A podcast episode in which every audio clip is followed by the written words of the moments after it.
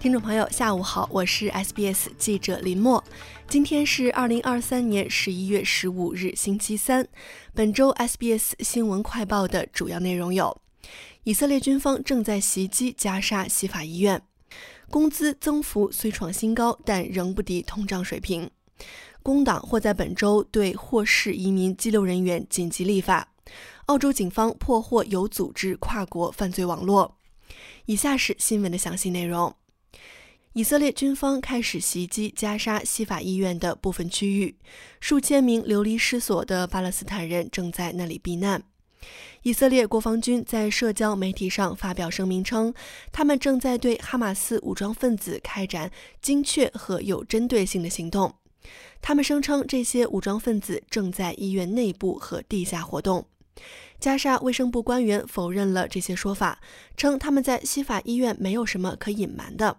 哈马斯在约旦河西岸的政治对手、巴勒斯坦权力机构的卫生部长凯拉说：“这次袭击危及了在加沙最大的医院避难的数千人的生命安全。”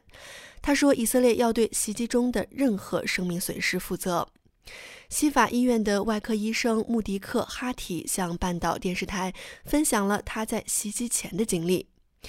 他说：“这里真的太可怕了，轰炸和射击持续不断。我看到两辆坦克开进了西法医院的大门，他们就在医院里。大约一小时前，以色列人打电话给医院管理部门，说他们正在进入医院，并准备进入医院大楼进行调查，试图检查每栋大楼和医院内的每个房间。”反对党国库部发言人泰勒表示，新的工资增长数据忽视了通货膨胀导致购买力下降的现实。澳大利亚统计局公布的工资价格指数显示，工人工资创下了该指数二十六年历史上增长最强劲的一个季度。工资价格指数在六月份上涨了百分之零点八，年增长率为百分之三点六。尽管如此，工资的年增长率仍低于通货膨胀水平。目前通货膨胀的年增长率为百分之五点四。泰勒说，阿尔巴尼斯政府正试图将这一数据说成是经济上的胜利，而忽视了实际工资下降的现实。在高等法院作出判决之后，当局正在监控被释放到社区的罪犯的行踪，其中包括三名杀人犯和多名性犯罪者。内政部长奥尼尔告诉其频道，联邦政府的工作重点是管理法院判决对社区安全的强制性影响。自由党参议员休姆批评了内政部长的处理方式。他告诉其频道，虽然政府知道这一决定即将到来，但却没有做好准备。上周，高等法院的判决迫使政府释放了八十一名移民，因为他们被无限期拘留是非法的，但没有其他国家愿意接收他们。警方称，在一次针对跨国有组织犯罪网络的重大行动中，共有二十八人被捕。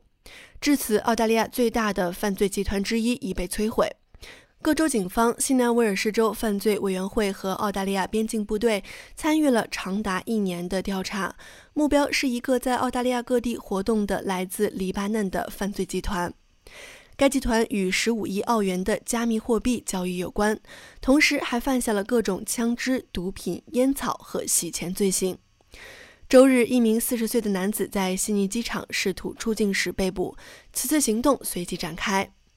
警方指控这名男子是犯罪团伙的头目之一，并指控他犯有九项罪行，包括指挥犯罪团伙活动、提供违禁药物和交易犯罪所得。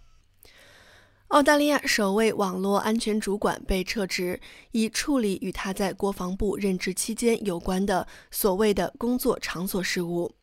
国防部发表声明称，空军元帅格尔迪将不再担任国家网络安全协调员，目前他正在休假。国防部没有提供更多的细节。内政部长奥尼尔办公室发表声明称，内政部负责网络和基础设施安全的副部长汉斯福德将临时担任国家网络安全协调员。好了，感谢您收听本期的新闻快报，在任何播客平台搜索“新闻快报”，点击订阅，开启消息提醒，即可了解澳洲国内外新闻及社区信息。